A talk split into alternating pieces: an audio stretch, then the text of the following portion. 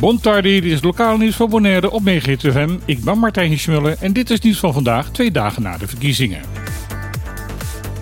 Het is duidelijk dat de PDB een historische overwinning heeft behaald. Tenminste, dat is wat vertegenwoordigers van de partij zelf zeggen. Met rond de 4000 stemmen heeft de Democratische Partij, naar eigen zeggen, nog nooit eerder zoveel stemmen binnengehaald. Daarna was ook de partijleider van de PDB de grootste stemtrekker van deze verkiezingen. Met de huidige telling kreeg Kraak Abraham persoonlijk 1635 stemmen. De nummer 2, James Kroon van de UPB, kreeg 1391. Of deze electorale aardverschuiving ook bestuurlijke gevolgen zal hebben, is nog niet duidelijk.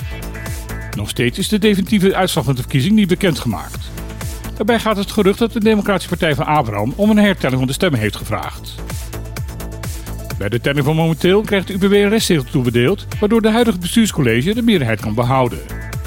Maar of de restzetel definitief aan de UPB wordt toegewezen of toch naar de PDB toe gaat, hangt af van enkele tientallen stemmen. Een hertelling om te kijken of alle stemmen wel goed zijn geteld, kan dus van belang zijn. Ook is nog het wachten op de stemmen van de mensen die per brief hebben gestemd van buiten het eiland. Deze schriftelijke stembiljetten worden namelijk naar Den Haag gestuurd en daar geteld. De uitslag daarvan laat altijd een paar dagen op zich wachten. We zullen dus nog even geduld moeten hebben om te weten welke richting politiek gezien Bonaire de komende vier jaar zal gaan varen. Naast de eilandsraadsverkiezing konden de bewoners van Bonaire ook stemmen op de kiescolleges. Hiermee kan Bonaire invloed uitoefenen wie er straks gekozen gaat worden in de Eerste Kamer van het Nederlands parlement. De opkomst voor deze veel minder populaire verkiezing was naar verhouding best hoog, namelijk iets meer dan 60%. Ook dit college kent net als de Eilandsraad 9 leden. Maar hier liggen de verhoudingen, al hoe er gestemd is, toch net even anders. Dit komt omdat voor het kiescollege, naast de vier grote partijen van Bonaire, ook een onafhankelijke kandidaat meedeed, Jaap Kos. Met zijn kandidatuur krijgt Kos de restzetel toebedeeld, die bij de eilandsraadsverkiezingen momenteel aan de UPB is toegewezen. In de huidige stand van zaken zou dat een zetelverdeling betekenen van NPB 2, PDB 3, UPB 2, M21 1 en Jaap Kos 1. Deze negen leden gaan samen bepalen welke stem namens Bonaire straks wordt ingebracht bij de bepaling van de samenstelling van de Eerste Kamer. Hofje Cultureel, de culturele ontmoetingsplek voor ouderen, kan ook in 2023 blijven bestaan. Dit was al eerder bekend, maar nu zijn officieel de contacten ondertekend en feestelijk gepresenteerd. Bestuursvoorzitter van de Venetian Platform Cultureel, Marieke Knol, heeft samen met de gedeputeerde Elvis Tjenesjoe daarvoor de noodzakelijke handtekening gezet.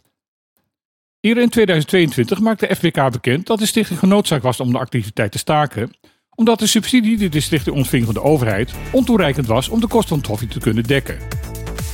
Uiteindelijk heeft het bestuurscollege van Bonaire besloten om deze subsidie zodanig te verhogen dat FBK daarmee deze belangrijke activiteit zou kunnen voortzetten.